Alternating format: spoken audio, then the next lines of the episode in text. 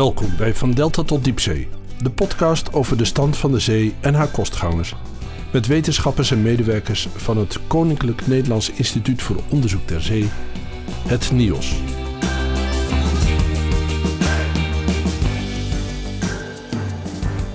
Mocht er ooit iets of iemand komen die de stop uit de zee zou trekken en al het water gorgelend in een afvoerputje zou verdwijnen, dan zou er, waar nu zee is, een landschap tevoorschijn komen met oneindige vlaktes, heuvelland, vulkanen, bergketens en duizelingwekkend diepe canyons.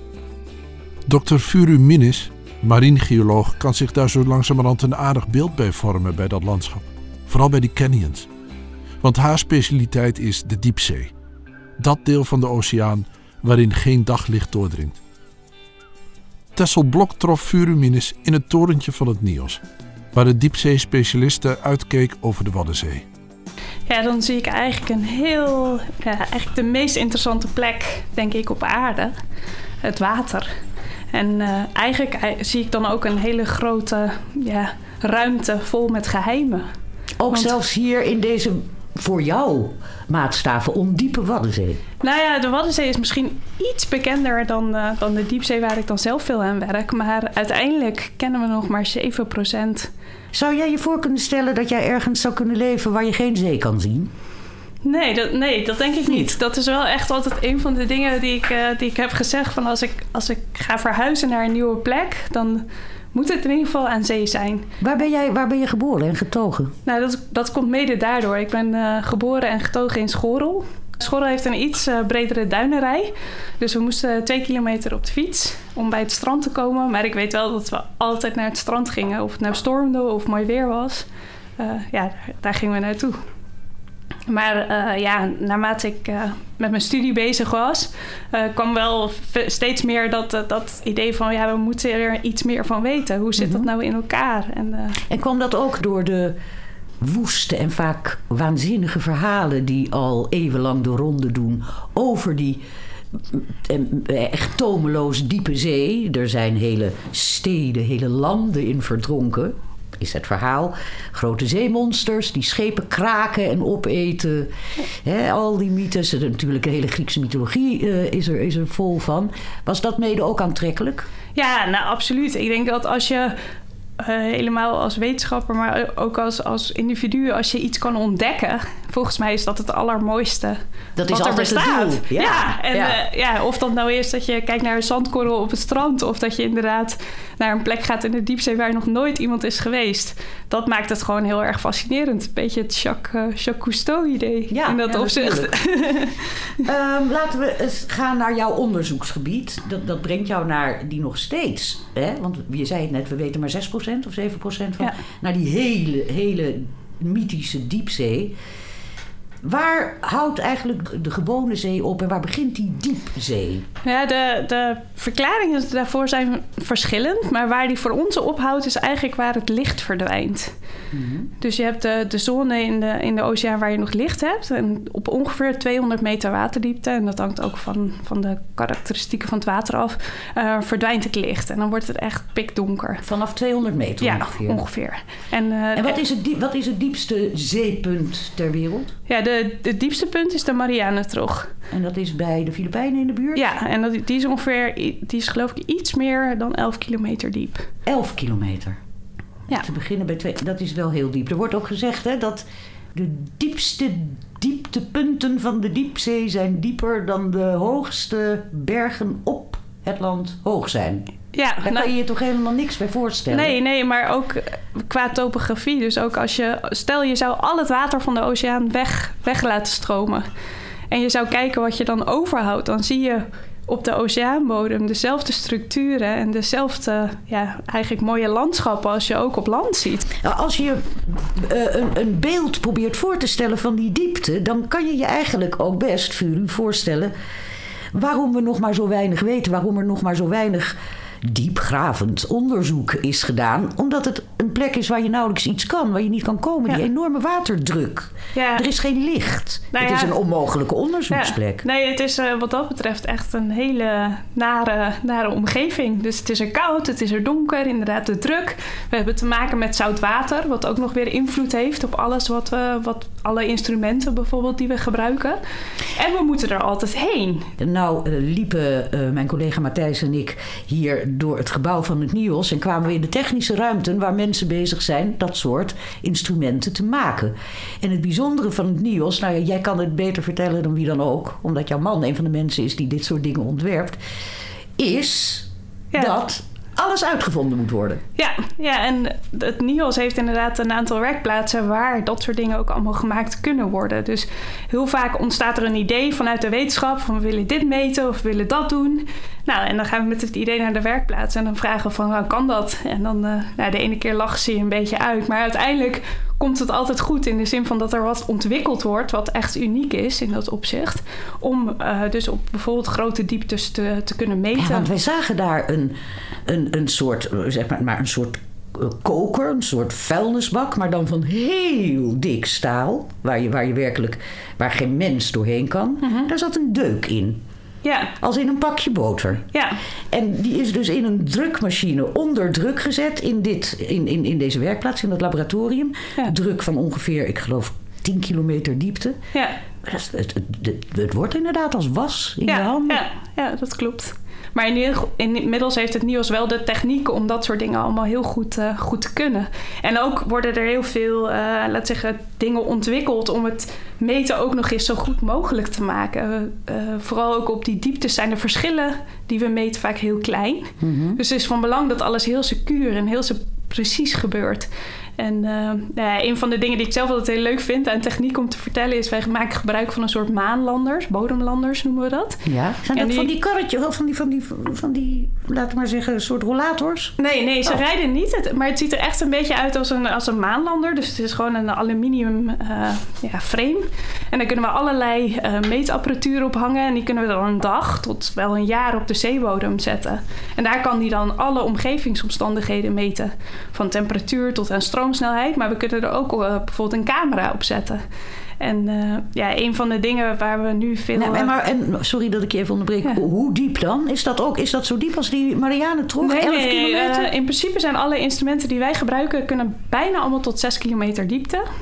Lijkt me Maar genoeg. wij werken voornamelijk dus meestal tussen de 500 en de 4000. Ongelooflijk, ja. Ja. Even wat preciezer over jouw onderzoek. Ik zei al, jij bestudeert onder meer koralen. Die groeien vanaf dus zo'n 200, 250 meter. Dus waar geen licht meer is. En dat vind ik op zich al wonderlijk dat daar dan iets kan groeien. Ja, Vertel het eens. Nou ja, het zit. dat is ook nog weer een ding dat heel vaak eh, de diepzee, of in ieder geval de, de donkere dieptes van de oceaan, gezien werden als een soort grote woestijn waar dan helemaal niks voorkomt. Nou noemde ik net al dat je die topografie hebt van bergen en vulkanen en, eh en onderwater canyons. Maar vaak bij die structuren vind je ook ontzettend veel leven. En dat komt eigenlijk omdat het water botst met zo'n structuur. En daardoor creëer je allemaal ja, mixing en turbulentie. En dat vinden heel veel beesten heel fijn. Want alles in de diepzee is afhankelijk van eten... wat uiteindelijk aan, eh, aan het wateroppervlak ge, Dat ja, heeft het licht wordt. nodig. Ja, Ja. en dat heeft het licht nodig. Eh, ik moet daarbij wel zeggen, ik zeg nu al het leven, want er kan ook gas uit de zeebodem komen wat als, eh, als voedselbron kan dienen. Maar de koralen die ik bestuur, bestudeer, die zijn echt helemaal afhankelijk van, eh laat zeggen, ja, dode oogjes die naar beneden zinken. Ja, En, dus dat is gewoon eh, eh, dat is, dat is eh, eten, wat licht nodig heeft om zich zo te ontwikkelen. Als het dood is, zinkt het. En die, die algen, die koralen hebben genoeg aan, die, aan dat dode voer. Ja, ja, ja, dat is nog steeds, nou ja, vrij vers, noemen we dat dan. het zijn een soort van... eh, Diepvries. Nou ja, Die- ja. om het maar zo te zeggen. En eh, ja, daar hebben ze blijkbaar genoeg aan om, eh, om te overleven. En daarbij vormen ze dan ook nog eens enorme rifsystemen. Die koralen. Ja, Maar daar, daar moet ik me niet voorstellen, die prachtige gekleurde eh, koraalriffen die we kennen uit de vakantiefolders met de snorkelaars en eh, het azuurblauw en het fel oranje en geel en groen. nee, eh, dat niet. Maar toch komt er ook in de diepzee heel veel kleur voor. Dus uh, de koralen zonder zelf, licht. Ja, zonder licht. We hebben heel veel beesten nog steeds, uh, zijn nog steeds heel fel gekleurd. Dus we hebben sponsen die zijn knalgeel. We hebben heel veel krabben, kreeften, maar ook uh, kleine vissen die zijn knalrood. En dat heeft ook een reden, want als je het water induikt, en ik denk dat veel mensen die snorkelen of duiken dat wel weten, dan wordt eigenlijk heel snel alles een beetje grijs-blauwig van kleur. Dus je hele rode spectrum verdwijnt. Mm -hmm. En eigenlijk is in de diepzee dus rood een, een schutkleur. Ah, dus en dit is gewoon ook weer evolutionair. Het is handig om ja, te overleven. Ja, ja. Dus vaak Maar nou- grote vissen zijn weer blauwig, terwijl de kleintjes dan... Uh, nou ja, Ja, nee, begrijp het. hebben. Ehm, nog even terug naar de, naar de koralen. Mhm. Wat, wat is een koraal? Zo, dit is koude koraal, Ja. noem je het? Ja, we, we Dus noemen het... wat zo diep Ja, is. ja, we noemen het koudwaterkoraal, omdat ze eigenlijk bij, in vergelijking met tropische koralen, want daar vergelijken we ze eigenlijk heel vaak mee, komen ze voor bij, eh, bij relatief koude temperaturen. Dus tussen de, gemiddeld tussen de 4 en 12 graden. En eh, de koralen zelf zien er ook heel anders uit, dat dan wel, eh, als de tropische koralen. Dus ze hebben, ze, het zijn niet van die hersenenachtige structuren Nee, nee. die, eh, die je vaak ziet, maar het zijn meer boompjes. Dus het is een stam en daaruit komen allerlei polypen. En die polypen hebben tentakels, eigenlijk net als anemonen bijvoorbeeld hebben. En daarmee vangen ze dus het voedsel uit de waterkolom. En daarmee verschillen ze dus heel erg van tropische koralen, omdat die vaak... En hoe maken ze dan de riffen? Ja, die riffen maken ze eigenlijk door continu op elkaar te groeien. Dus de, de, de bovenste laag van de, nou ja, die leeft. En nou ja, op een gegeven moment gaan die koralen dood. En eh, dan gaan de, de, ja, de nieuwe jonge koraaltjes die gaan daar weer bovenop zitten. En zo kunnen ze echt enorme structuren vormen. En dat gaat natuurlijk niet in een dag. Dat duurt soms wel miljoenen jaren. Eh, maar er zijn plekken in de Atlantische Oceanen waar ze heuvels hebben gevormd tot 360 meter hoog. Ongelooflijk, ja. Ja. Er is een enorme biodiversiteit hè, rond Ja. die koralen. Hoe, hoe, eh, verklaar, hoe is dat te verklaren? Nou ja, eigenlijk is dat eh, te verklaren bij de structuur die, eh, die de koralen vormen. Dus we noemen ze wel biologische engineers. Ze Ja, bouwen iets, ja. dus ze bouwen een driedimensionale structuur. En ik vergelijk de koralen in dat opzicht altijd heel vaak met bomen in een bos. Dus ze vormen een, een structuur, die, dat vormt een schuilplaats of een goed substraat, een goede ondergrond of een goede kraamkamer voor heel veel andere diersoorten. En, wat dat voor, is- over wat voor leven hebben we dan? Probeer eens te schetsen waar die biodiversiteit bij die uh, koudwaterkoraalriffen dan uit bestaat. Nou, dat is heel, heel divers. Van, laat zeggen, dingen die vastzitten, zoals sponsen. Dus die niet zelf kunnen bewegen. En heel veel schelpdierachtige. Maar ook heel veel krabben en kreefjes. eh, nou, heel veel vis. En eh, daarbij is vooral aangetoond dat de jonge vis dan Ja. in de buurt van die riffen zit. En de volwassen vis er, er vooral omheen. Eh, maar ja, het is heel divers. En ook qua biodiversiteit eh, is het vergelijkbaar met, met tropische koraalriffen. En er is ook heel, nog heel veel onbekend leven, neemt men aan. Dat weet je natuurlijk niet. Ja. Maar waarom ga je daar eigenlijk van uit? Ja, nee, ja. Omdat er altijd wat te ontdekken moet blijven. ja. ja, nee, dat is misschien een gedachte, maar het is ook misschien gewoon het idee van ja, die 7% van dat enorme oppervlak kennen we pas. En nog steeds wordt ieder jaar worden nieuwe soorten ontdekt. Dus er moet gewoon nog meer zijn wat dat betreft. En, eh, en hetzelfde geldt voor het voorkomen van die koude koralen. Want ieder jaar wordt er nog weer een nieuwe, nieuw rif ontdekt. Heb jij dat zelf ook al eens ontdekt, een nieuw rif? Eh, ja, ja, we zijn een paar jaar geleden zijn we met een eh, Duits onderzoeksschip eh, voor de kust van Angola hebben gevaren. En daar hebben we eigenlijk voor het eerst een, eh, ja, een heel nieuw koudwaterkoraalrif in kaart gebracht. Dus dat was Wat wel geweldig. Heel, heel bijzonder. En krijgt dat dan ook jouw naam? Nee, nee, dat, dat gebeurt meestal Niet een furu-rif? al Nee, ergens. Helaas.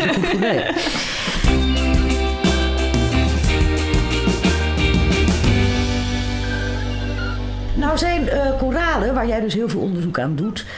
een onderdeel van eh, wat jij noemt, en jij niet alleen, de koolstofhuishouding. Ja. Eh, vertel eerst eens even waarom dat extreme belang van die koolstofhuishouding... of van de koralen voor die koolstofhuishouding. Ja, nou ja, de oceanen zijn eigenlijk onze grootste koolstofopslagplek. ja, opslagplek. dus heel veel CO2 wat wij produceren als mensen wordt door, de oceanen opgenomen.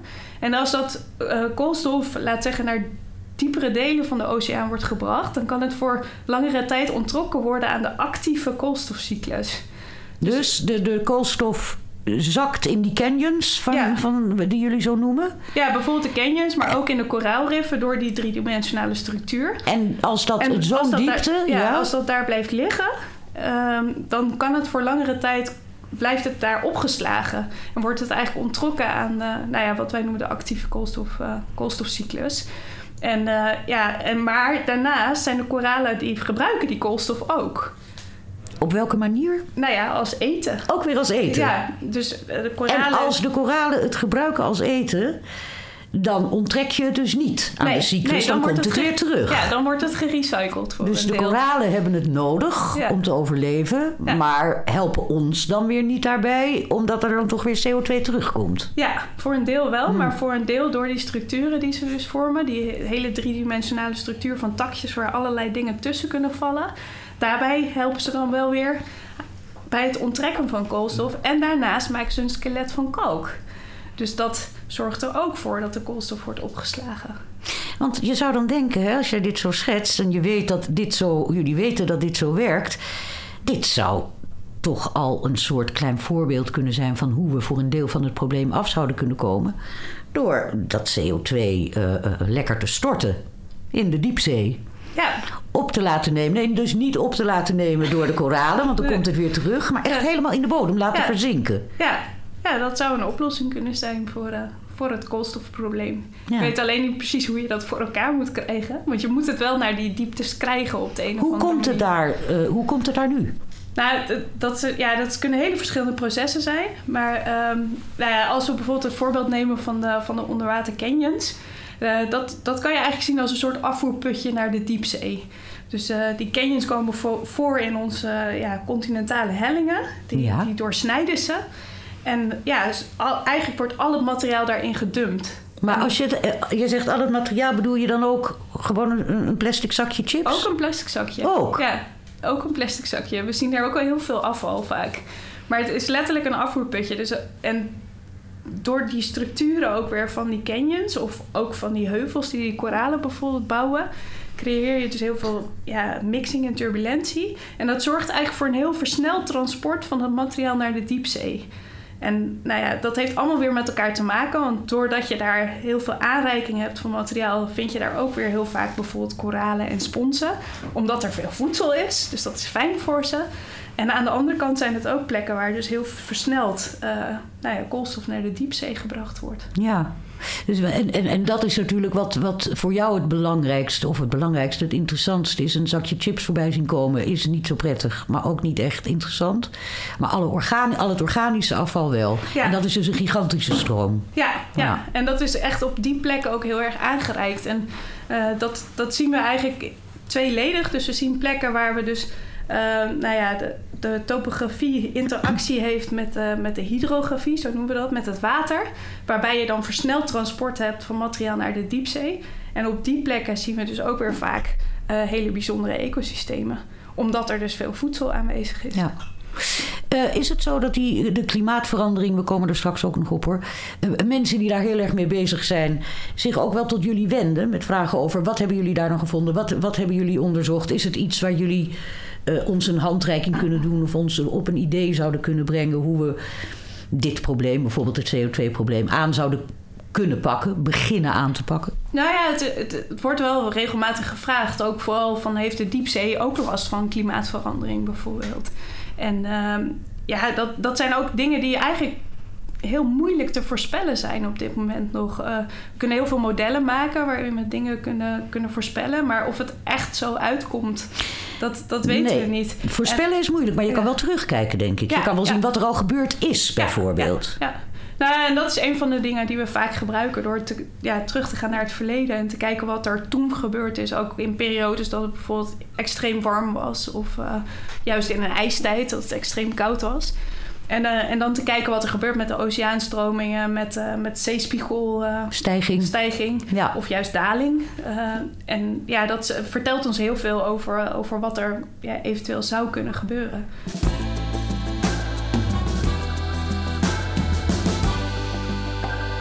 Je werkt hier bij het NIOS op Texel. Je woont ook op het eiland, maar eigenlijk ben je hier helemaal niet zo vaak, want je reist heel veel. Want Ja. je bent heel vaak op expeditie. Ja. Op zee. Ja.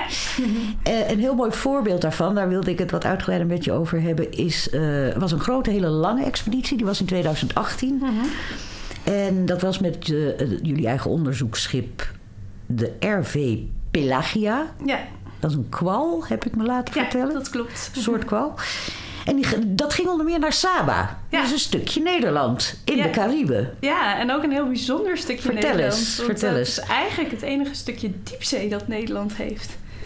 Dus eh het Saba Bank is een, eh, is, ja, een beschermd gebied. Eh, de, het is een grote berg weer in de zee, de Saba Bank. En eh, ja, dat hoort, hoort bij, eh, bij ja, de Nederlandse territoriale wateren. Nog wel. Ja, Want de diepzee is natuurlijk, het is, het is best een flink end uit de kust. Nou, waar ligt- het zo diep is. En Ja, meestal maar- valt dat dan buiten de grenzen. Ja, maar bij eh Saba Bank, Ja. of, of Saba, het eiland Saba, daar, daar worden de hellingen gelijk heel steil. En, en de Saba Bank die ligt daar eigenlijk direct naast. Dus die, Dus Nederland heeft gewoon een diepzee. ja, en eigenlijk had nooit iemand daar nog naar gekeken.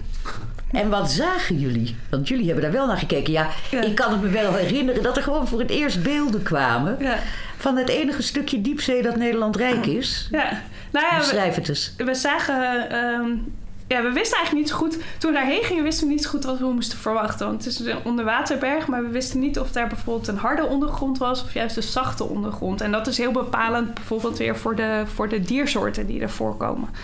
En ehm, ja, wat, we, wat we eigenlijk zagen was dat, dat de Sabank zelf vooral eh, bestaat uit zacht sediment. Maar dat er ook heel veel leven voorkomt. Dus we hebben een, eh, een sponsrif gevonden op, eh, op ongeveer 400 meter waterdiepte. En ja, we hebben ge- gekeken met behulp van weer zo'n bodemlander... waar we aas op hadden gebonden naar de, nou ja, wat wij noemen de mobiele fauna. Dus de, de vissen en, Ja, de, en, op die en diepte ook nog heel veel. Ja, en die wa- kwamen ook heel veel voor, waaronder ook eh diepzee pissenbedden. En dat was wel een heel, eh, hele bijzondere observatie. Van ongeveer 50 centimeter groot. Diepzee, pissen. Maar, en wat, ten eerste krankzinnig groot. Ja. Maar wat, wat, hoe leeft een pissebed daar? Gewoon wel in, op, op zachte grond. Eh, ja, die leven op zachte grond. En het zijn eigenlijk een soort van, hoe noem je dat, aaseters. Dus Ja. die, eh, die gaan op alles af wat, eh, wat er overblijft of wat anderen anderen laten liggen. Dus daarom kwamen ze ook graag op onze aas af waarschijnlijk. En eh, ja, we vonden ze op, op allebei de kanten van de, van de Saba-bank. Ja, geweldig. Die, die expeditie waar ik het over had van 2018, niet alleen naar Saba, het was een maandenlange expeditie. En die was multidisciplinair qua wetenschap. Hè? Het- was niet alleen maar eh, eh, eh, op jouw terrein, op breder terrein. Wie heeft dan eigenlijk de leiding over zo'n expeditie? Als er zoveel verschillende disciplines Ja. aan meedoen. Nou ja, in principe bedenk je het plan vaak met een groep wetenschappers. Vaak dus ook allemaal met een verschillende achtergrond. En ja, aan boord is er dan één, ja, wat ze noemen de chief scientist, dus de baas. En eh, die houdt het contact eigenlijk met de kapitein en ook met eh, van wat willen we doen, wat gaan we doen. Maar daarbij moet ik wel zeggen dat aan boord gewoon iedere dag overlegd wordt. Van eh, wat heeft iedereen nodig? Wat moet er gebeuren? Ehm, wat is interessant om verder te, te bestuderen? Want vaak vind je hele nieuwe dingen. Precies. Dus het is, Je moet ook kunnen improviseren Ja, dus. absoluut. En ook op elkaars vondsten. ja, ja, ja. En ja, ik vind dat een van de allerleukste dingen van... de- van Ja, schets eens, je bent dan een paar weken op zo'n schip met, met allerlei mensen en natuurlijk ook nog de bemanning. Een kok mag ja, ik aannemen. Ja, ja er Toch? wordt Mag ik voor je gekookt. Ja, dat is allemaal goed verzorgd. Ja. Eh, Schets eens zo'n dag, hoe gaat dat? Ehm, nou ja, eh, meestal begint het met het ontbijt, s ochtends vroeg. Dat is verrassend. Eh, waarbij je al samen aan het ontbijt zit. Dus dat, dat, eh, en daarmee bij wordt vaak, eh, vaak de dag even doorgesproken van wat gaan we doen. eh, wat, eh, en is iedereen er dan ook wel oprecht geïnteresseerd in elkaars werk? Want eh, iedereen is natuurlijk zo bezig met zijn eigen onderzoek en zo bezig met wat jij al zei. Je wil iets Ja, maar ontdekken. uiteindelijk hangen altijd alles aan elkaar, met elkaar samen. En eh, ja, de, de mensen die kijken naar, naar wat er in de waterkolom gebeurt, die, die willen ook weten wat er uiteindelijk op de zeebodem terechtkomt. En andersom ook. Eh, dus het, is het mooiste is juist tijdens die vaartochten dat al die disciplines samenwerken. En dat je dus ook samen het beste resultaat haalt wat dat betreft. En eh, ja, als je, als we dan beginnen met onderzoek doen, dan is het ook vaak dat, dat omdat het heel moeilijk is om monsters te, te verkrijgen uit de diepzee, dat je ze samen deelt. Dus er wordt vaak een heel plan opgezet voor één uh, bodemmonster, dat iedereen er een klein stukje van krijgt zodat er... Heeft iedereen bijvoorbeeld wat aan zo'n pissenbed als jij dat omhoog haalt? Uh, nou, niet iedereen, maar wel meerdere. De kok niet, ja, hoop ik. Maar nee. We hebben ze niet opgegeten. nee, maar uh, ja, ook weer voor, voor gewoon beesten die we omhoog halen, daar, daar is altijd verschillende interesses. Dus bijvoorbeeld bij Sababank werkten we veel samen met mensen uit Wageningen. Uh, die dan echt naar de vissen gingen kijken en ook echt gingen identificeren van wat voor soort is het, uh, hoe leeft die, wat kunnen we daarvan leren van, uh, van die diepzeevissen. Oké, okay, dus we hebben ontbijt, dan plan de campagne, dan gaan we aan de slag. Ieder met zijn eigen onderzoek en ja. iedereen doet elke dag wat. Je bent altijd op een plek waar iedereen aan de slag kan. Nou, ja, dat proberen we wel te doen. Dus als we echt op, in het onderzoeksgebied zijn, dan proberen we wel ervoor te zorgen dat iedereen iedere dag wat, uh, wat te doen heeft. Of, of in ieder geval wat krijgt. Ja. En, uh, en ja, dat, dat verschilt heel erg per, per vaartocht. Um, maar ja, wat wij doen is altijd heel multidisciplinair wat dat ja. betreft. Dus we hebben vaak ge geologen mee, ecologen, uh, geochemici. Um, Fysici en, misschien, ja, en, biologen. ja, en daarnaast wat we heel veel doen en wat altijd echt, ja, wat voor iedereen interessant is, is dat we vaak gewoon een kijkje nemen. Zodat dat we, nou, dat we met een camera naar beneden gaan. En uh, dan zijn wij de eerste aan boord die dat stukje van de, van de onderwaterwereld zien. En dan zitten we met z'n veertien met z'n allen naar een schermpje te turen en roept iedereen... Te juichen. Uh, ja. Wat geweldig. Hard van, hé, hey, ik zie dit, ik zie dat. En ja... Het klinkt als een hartstikke goede sfeer in elk geval. Gaan we even verder de dag door. Dan is het klaar met onderzoek, tijd voor ontspanning. Ja. En dan? Uh, ja, dat wisselt heel erg. Dus de ene keer is er tijd om, uh, om een filmpje te kijken of, uh, of een spelletje te doen. We hebben wel hele show-competities gehad aan boord. Uh, maar heel vaak is het gewoon ook echt tot een uur of 10, 12 doorwerken. En dan zo snel mogelijk naar Want bed. Er, er, worden, er worden op het schip natuurlijk ook... Daar, daar wordt ook gewoon meteen laboratoriumonderzoek gedaan. Ja, ja, ja. ja. Ja, er worden heel... gewoon hele laboratoria op dat schip gebouwd of worden die aan boord gebracht? Ja, wij nemen die opnieuw mee in de, in de vorm van containers. Dus we hebben zeecontainers en die zijn helemaal uh, ja, omgebouwd tot uh, laboratorium. En dat is ook heel fijn, waardoor, uh, omdat het heel veel extra ruimte creëert. En daardoor heeft eigenlijk iedereen zijn eigen plekje om te werken. Dus je zit elkaar niet continu in de, in de weg. Want sommige dingen moeten echt direct verwerkt worden. Terwijl andere dingen die kunnen we dan gewoon bijvoorbeeld in de vriezer stoppen Precies, en dan en meenemen naar, naar hier. Ja, ja. ja. Um, hoe lang ben jij op dat schip geweest toen? Hoeveel weken? Of ben je de, de hele tocht geweest? Nee, nee, ik ben, uh, ik ben 2,5 weken op Sababank geweest. En later nog twee weken in de, in de Witter Canyon. Dus, en dat is? Dat is in de buurt van, uh, voor de kust van Ierland. Oh ja, voor de Ierse kust. Want daar, ja. heb, je, daar heb je al vaker onderzoek gedaan ja, ook, hè? Ja. ja. ja. En hoe diep is het daar, de diepzee? Waar uh, je da nou, tot, uh, tot meer dan 4000 meter waterdiepte. Dus dat, daar heb ik dan onderzoek gedaan aan zo'n onderwaterkloof, zo'n canyon. En die loopt van 200 meter naar, naar meer dan 4000 meter waterdiepte. Ja. Je had het net over um, die Saba-bank, over de, de, de, bodemgesteldheid, of het hard of zacht materiaal is. ik heb ergens gelezen dat um, jij je ook bezighoudt met onderzoek naar hoe het harde materiaal van bijvoorbeeld de poten van een boorplatform uh, toch nog uh, uh, eigenlijk ja, voordeel op zouden kunnen leveren aan het onderwaterleven. Leg eens uit hoe dat zit. Ja, dat is een, een project dat we hebben gedaan hier in de Noordzee. Um, in de Noordzee staan natuurlijk heel veel nou, structuren, boorplatformen, Zeker. maar er worden er ook steeds meer bijgezet in de vorm van windmolens bijvoorbeeld op dit moment. En uh, als je naar de Noordzee kijkt, dan is het eigenlijk een grote vlakte met heel zacht, uh, zacht sediment. En dat is voor heel veel beesten niet heel interessant. Dus als we als mens daar een structuur neerzetten, uh, zoals een boorplatform, dan vormt dat hard, hard substraat. En dat is bijvoorbeeld voor, nou ja, ik noem maar wat, anemonen, maar ook zeewier wel heel interessant. Dus eigenlijk creëer je dan een heel klein oasetje in de, in de, dus in de voor Noordzee. de biodiversiteit ja. zou, dat, zou het eigenlijk heel goed zijn als we in elk geval alles wat er nu staat aan boorplatform onder water laten staan. En misschien zelfs wel ja. hele, hele, hele, hele banen en wegen en, en, en, en ja. hekwerken aan gaan leggen. Ja. Ja, nou... Het is ja, voor, de, voor de vaart misschien wat onhandig. ja, maar, ja en, en voor de visserij Ja, voor de misschien visserij, ook wel. ja. Eh, want de Noordzee is natuurlijk heel, eh, heel druk bezet in dat opzicht. Eh, maar het is wel goed om te kijken eh, met de structuren die er nu al staan, vooral van eh, waar je- ja, wat de bijdrage daarvan is. En ook eh, ja, of het een voordeel is of een nadeel om, eh, om die te laten staan qua Mhm. structuur. En inderdaad dan vooral onder water. ja, onder water Ja. natuurlijk het liefst.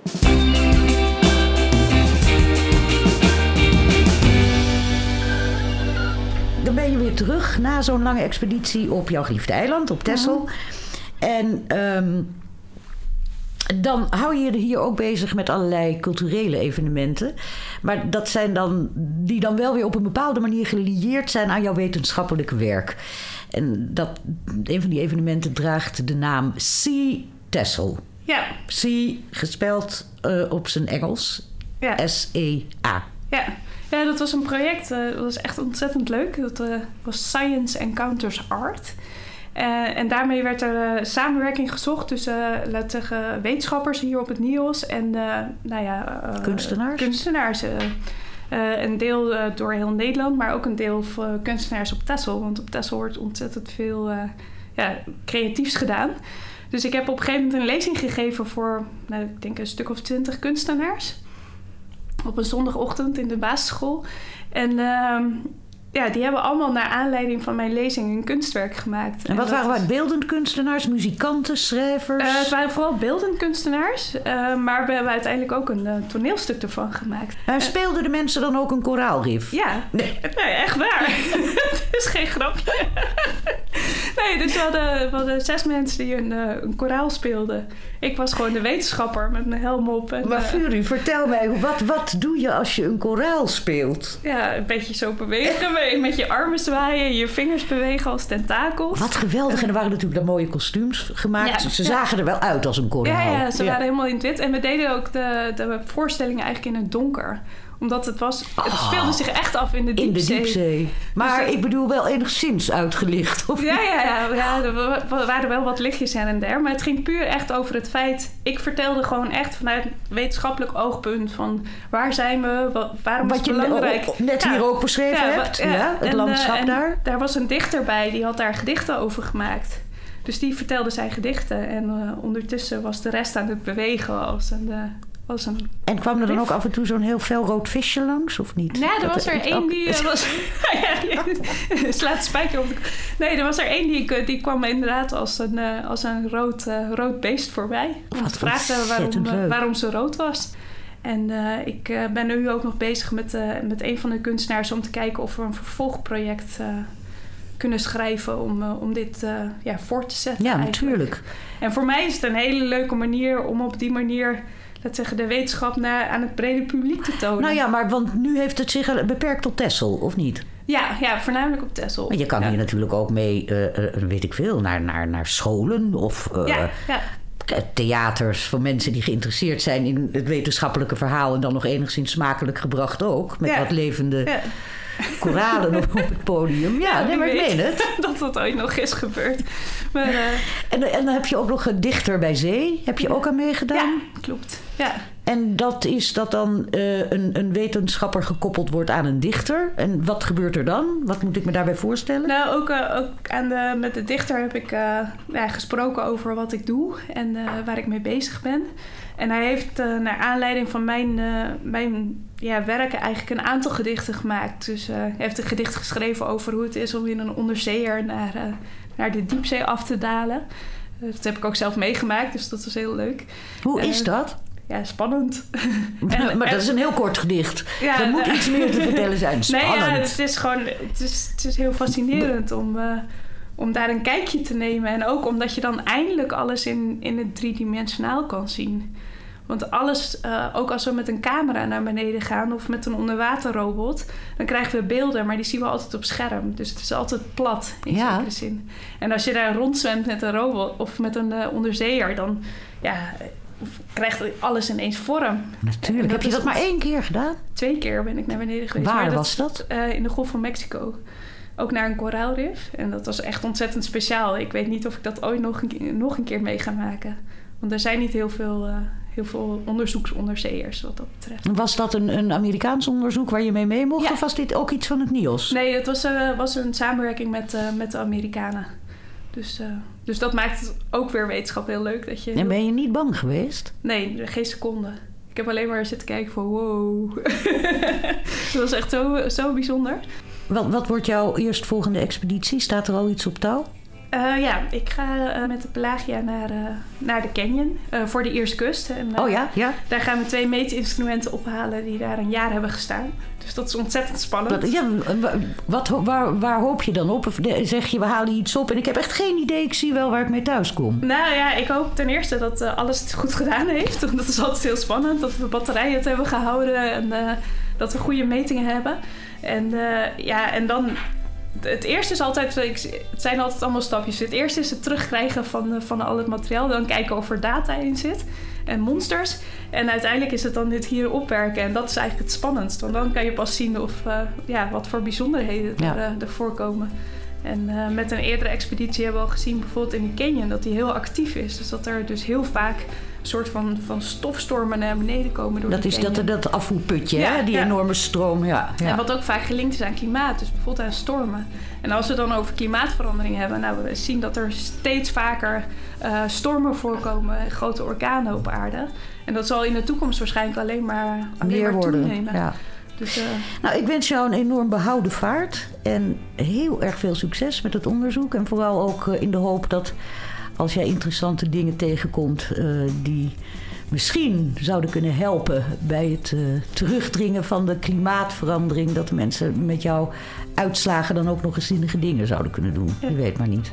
Heel erg hartelijk bedankt. ja, dankjewel.